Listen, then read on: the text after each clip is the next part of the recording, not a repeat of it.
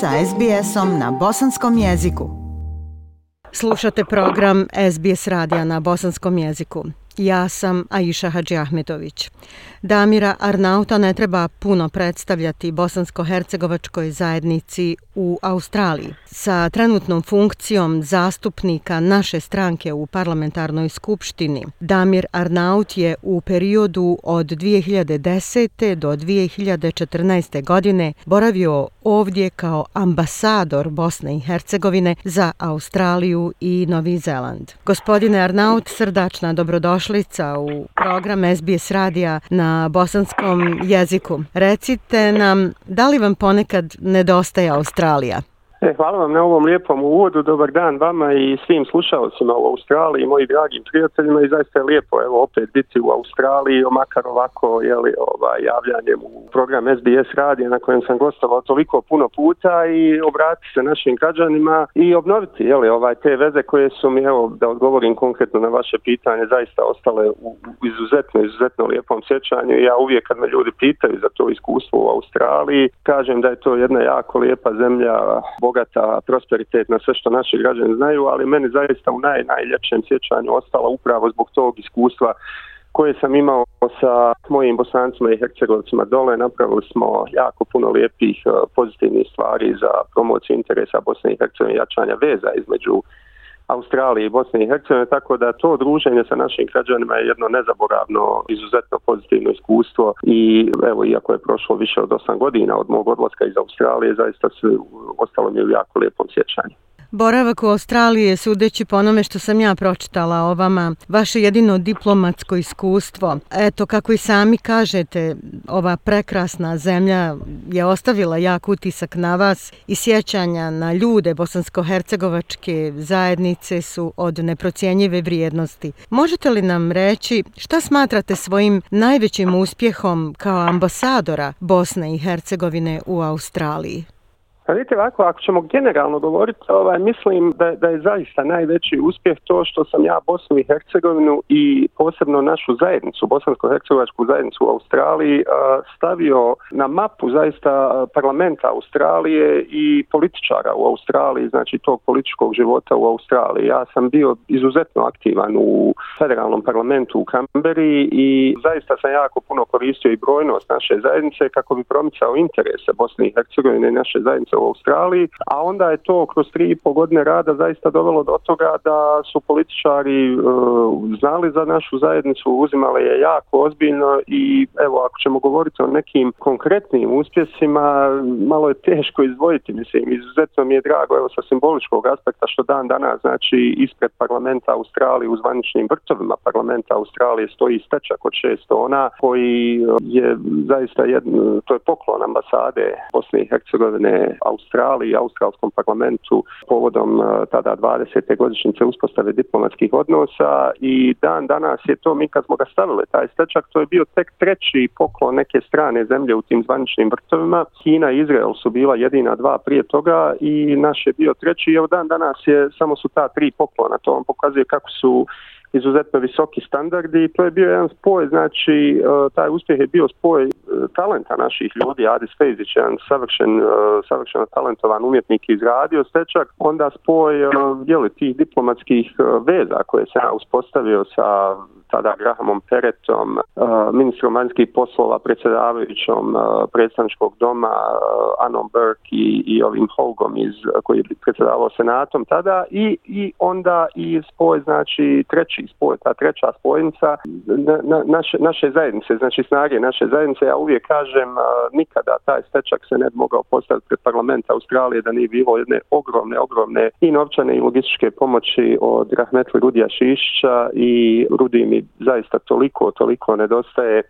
Jako me potresla njegova smrt jer e, Bosanci i Hercegovci vrlo dobro znaju da puno stvari ne bi bilo u Australiji od koristi za našu zajednicu bez njega, a evo ne bi bilo i ovog stečka. Tako da to je, jel, ako bi izvojio neki jedan projekat, to, to je taj koji je onako na jednoj simboličnoj razini, a što se tiče ovih nekih koji su bili od koristi za našu zajednicu, pazite, ne može se tu nikako ovaj, umanjiti isto značaj ove rezolucije o genocidu u Srebrenici koji sam ishodio da bude jednoglasno usvojena u parlamentu Australija priznavanje vozačkih dozvola. Mi smo dan danas jedina, da tako kažem, ne zapadna, e, odnosno zemlja koja nije u nekoj zapadnoj alijansi, ova koja, čije su vozačke dozvole priznate u Australiji. I tako, dosta, dosta je tu bilo lijepi i dobri stvari i uvijek potenciram da ništa od toga ne bi bilo bez jedne jake saradnje sa našom zajednicom dobro. A da podsjetimo i naše slušaoce da ste jedan od inicijatora i osnivača AUBHE, Australsko-Bosansko-Hercegovačke asocijacije. Kako mi je prenio kolega Amir Bukić, vi ste inicirali sastanak predstavnika lidera organizacija u Kamberi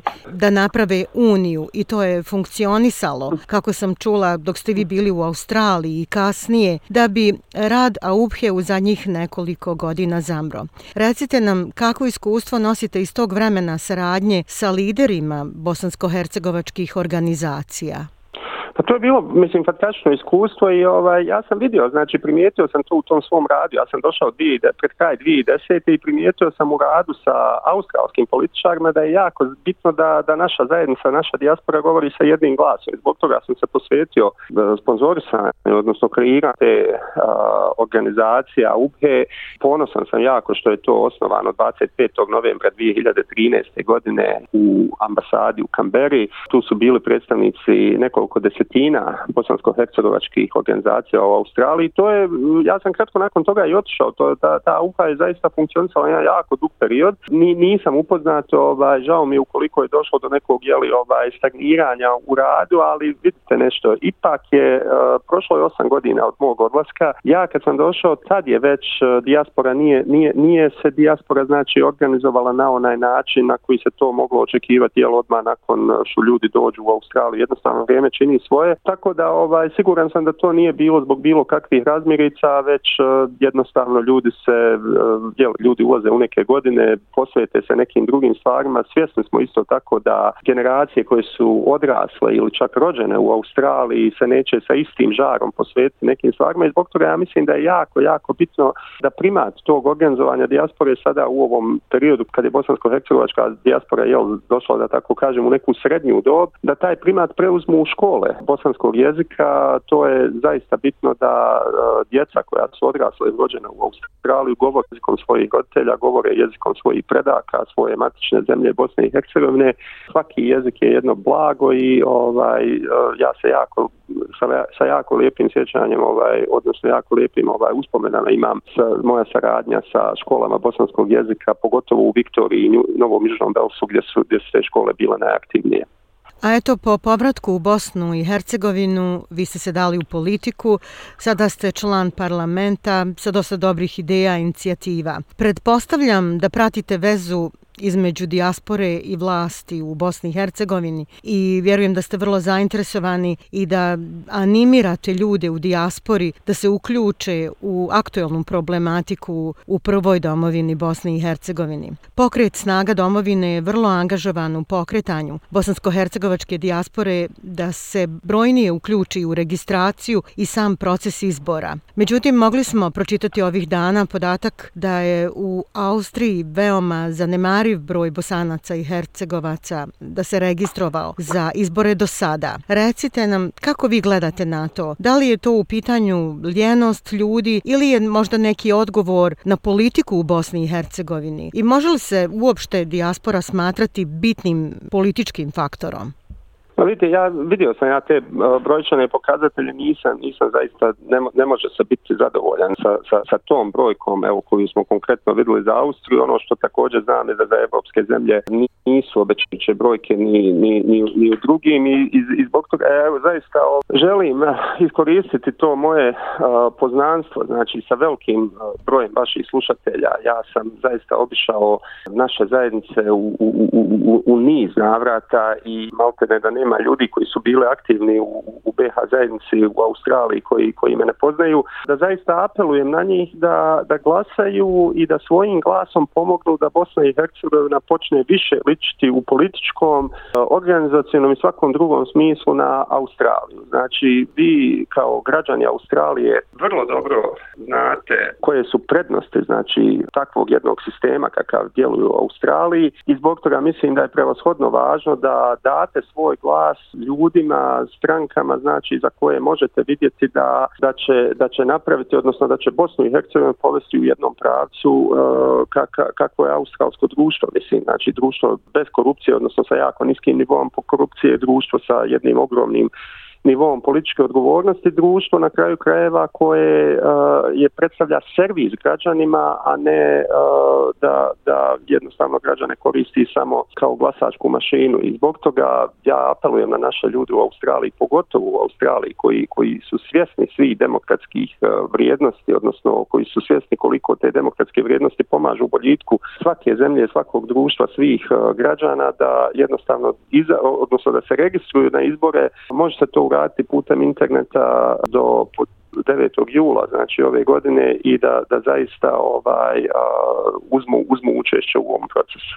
Da, a šta mislite, šta bi trebalo još učiniti da se promijeni trenutno stanje, da se ljudi više animiraju, da se registruju i da se aktivno uključe u proces izbora? Pa te, to, to stalno treba potencirati. Mislim, ja znam da, da SBS radio na bosanskom jeziku je to uvijek radio, uh, to i, i, i prije mog ambasadorskog mandata i tokom mog ambasadorskog i poslije, da, znači to, to treba potencirati. Uh, naše organizacije koje djeluju u Australiji mogu jako puno uraditi. Ja se sjećam ovaj svog iskustva, znači kad su u pitanju stari ljudi, kad su u pitanju ljudi koji se ne služe internetom uh, i, i, i, i slično organizacije uh, BH dijaspore su im pomogle recimo u pristupu internetu, e, štampanju tog materijala, dostavljanju centralnoj izbornoj komisiji, znači sve se to može uraditi, ali najbitnije je zaista znači svijest naših građana da Bosna i Hercegovina može biti društvo poput ovog australskog ukoliko na vlast dođu ljudi koji vide politiku kao jednu službu građanima, a ne kao, kao neku korist. Ovaj. Na kraju krajeva ovaj, vrlo dobro vidite kako to funkcioniše u Australiji. Svojim glasom e, doprinosite tome u Australiji. Ja znam da je preko 95% naših građana u Australiji su državljani Australije, mogu glasati dole na kraju krajeva, glasaju u Australiji, inače plaćaju kazne ako ne glasaju. I taj glas koji već dajete da, da, da, da prinesete boljitku australskog društva, ja vas zaista molim da, da se registrujete za ove izbore i, i, i da svojim glasom, bez obzira odakle dolazite iz kojeg entiteta u Bosni i Hercegovini, iz kojeg dijela Bosne i Hercegovine, da svojim glasom, znači pomognete da Bosna i Hercegovina bude bolje mjesto za život. Nije, nije to teško u današnje vrijeme. Pazite, nije ovo više vrijeme 90-ih kad su vijesti iz Bosne i Hercegovine stizale polako, sa kašnjenjem od nekoliko dana ili nekoliko sedmica. Znači, vi sada možete otvoriti bilo koji portal u Bosni i Hercegovini, vidjeti šta se dešava, vidjeti programe stranaka, vidjeti na kraju krajeva ko obećava, a ko radi i svoj glas dati na osnovu toga. Znači, ne na osnovu toga što vam neko govori ili obećava, već na osnovu onoga što je taj neko u svojoj karijeri uradio za, za, za dobrovi Bosne i Hercegovine i njenih građana. Eto, htjela sam i da vas pitam za komentar o konačnom formiranju ureda za dijasporu u Sarajevu. Ideja i interes vladaju već godinama i konačno je inicijativa realizovana i zakonski. Gospodine Arnaut, da li vi sebe vidite kao aktivnog učesnika u, u radu Kancelarije za dijasporu? Pa, vidite, znači ja ću se e, nastaviti sigurno baviti politikom. E, kanton Sarajevo ima jako puno ljudi ovaj koji su koji su sposobni da to jako dobro vode i e, evo upravo upravo samo ovo ovome znači malo prije govorio u odgovor na prethodno pitanje. Znači godinama, godine decenijama su vlasti u Bosni i Hercegovini obećavale našim građanima zamajavale ih i tako dalje da će pospješ saradnju sa dijasporom osnovati ured neki za dijasporu i to je tek uradila ova Fortina vlada, ova vlada kantona Sarajevo, ta, ta trojka, znači koja je zaista napravila jedan ogroman pomak na političkoj sceni u Bosni i Hercegovini. Vla se napravila nakon prošlih izbora 2018. napravila se na osnovu jednog konkretnog programa, na osnovu zajedničkog cilja tri stranke da se bore protiv cije, da a, poboljšaju život građana, da usmjere sredstva iz recimo reprezentacija službenih automobila u pomoć porodiljama i evo ovaj, ovaj ured za dijasporu je samo jedan primjer primjer toga kako vlast uh, u bar jednom dijelu, evo kad je kanton Sarajevo ovaj, u pitanju, kako vlast u Bosni i Hercegovini može na istim principima na kojima se formira i funkcioniše vlast recimo u Australiji, ovaj, znači s ciljem ishođenja stvari koje su u interesu građana, u ovom konkretnom slučaju znači koje su u interesu dijaspore. Ja sam siguran da će se sada još više pospješiti saradnja uh, između e, uh, bare ovog dijela Bosne i Hercegovine, a kažem opet ako ova trojka dođe na vlast na nivou Bosne i Hercegovine, to se može onda očekivati da se digne i na taj nivo. U svakom slučaju te veze između naših građana u Australiji uh, i Bosne i Hercegovine će zahvaljujući ovom uredu još dodatno jačati. Šta biste poručili bosancima i hercegovcima danas u Australiji?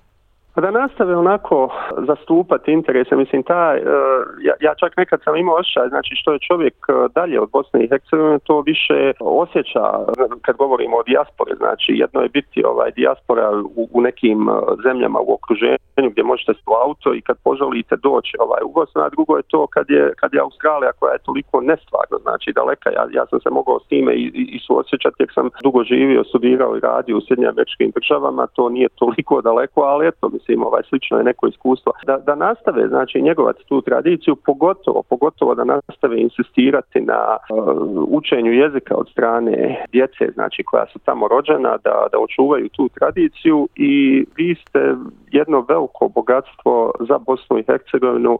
Ja nemam nikakve dileme, evo pogledajte, znači, relativno mala bosansko-hercegovačka dijaspora kakva je egzistirala prije rata, znači, prije 90-ih e, bosansko-hercegovačka dijaspora je brojala nekih 6000 ljudi, a iznjedrila je, to je ta priratna dijaspora, iznjedrila je evo sada prvog federalnog ministra a, u vladi Australije koji dolazi iz Bosne i Hercegovine, a, gospodina Husića. A, I sad zamislite koji će potencijal biti dijaspore koja broji ove posljeratne, znači koja je došla poslije 90. i koja broji nekoliko desetina hiljada ljudi sa potomcima preko 40 hiljada, ovaj, taj potencijal je zaista ogroman ja sam siguran da ćemo u idućim godinama i decenijama vidjeti vrlo uspješne australske, odnosno još uspješnije australske političare, odnos, i, i brojnije, jer, jer, jer to je ta snaga te dijaspore, ali izuzetno je bitno kao i gospodin Husić na kraju krajeva, znači da njegujete tu tradiciju, njegujete ljubav prema Bosni i Hercegovini, što se naravno ostvaruje između ostalog i kroz ova rad ovih udruženja, kroz saradnju sa ambasadom, ali evo i kroz glasanje na kraju krajeva. I eto još jednom apel da se registrujete, vrlo je to lako uraditi na stranici Centralne izborne komisije, tri dupla v izbori.ba, tu imate odmah link znači za registraciju dijaspori i poslije toga vam sve dolazi, ne trebate više puno ništa raditi, kad vam dođe glasački listić da ga ubacite u poštu i pošaljete. Hvala vam, gospodine Arnaut, na ovom razgovoru. Želim vam puno uspjeha u daljem radu i lijepi pozdrav iz Melburna. Hvala vama još jednom na pozivu, na prilice evo da budem barem ovako preko radio talasa u, u Australiji i obratim se i pričam ponovo sa mojim dragim, dragim bosancima i hercegovicima koji mi jako puno nedostaju. Like, share, comment. Pratite SBS Bosnian na Facebooku.